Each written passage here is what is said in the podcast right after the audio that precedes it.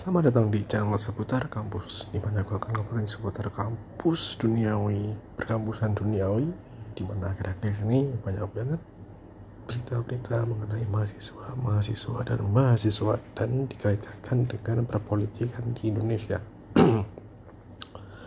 Seperti yang teman-teman semua ketahui mahasiswa sudah seharusnya sebagai agent of change, iron stock dan bisa dibilang penyambung lidah rakyat di mana label-label tersebut justru seharusnya menjadi semangat para mahasiswa untuk memperjuangkan rakyat?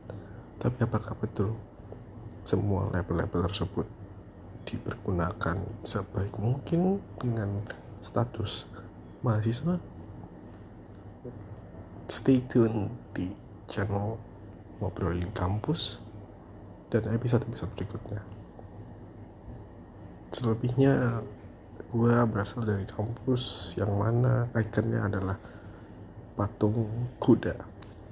Dan ya lokasinya berada di kandang sebuah partai politik.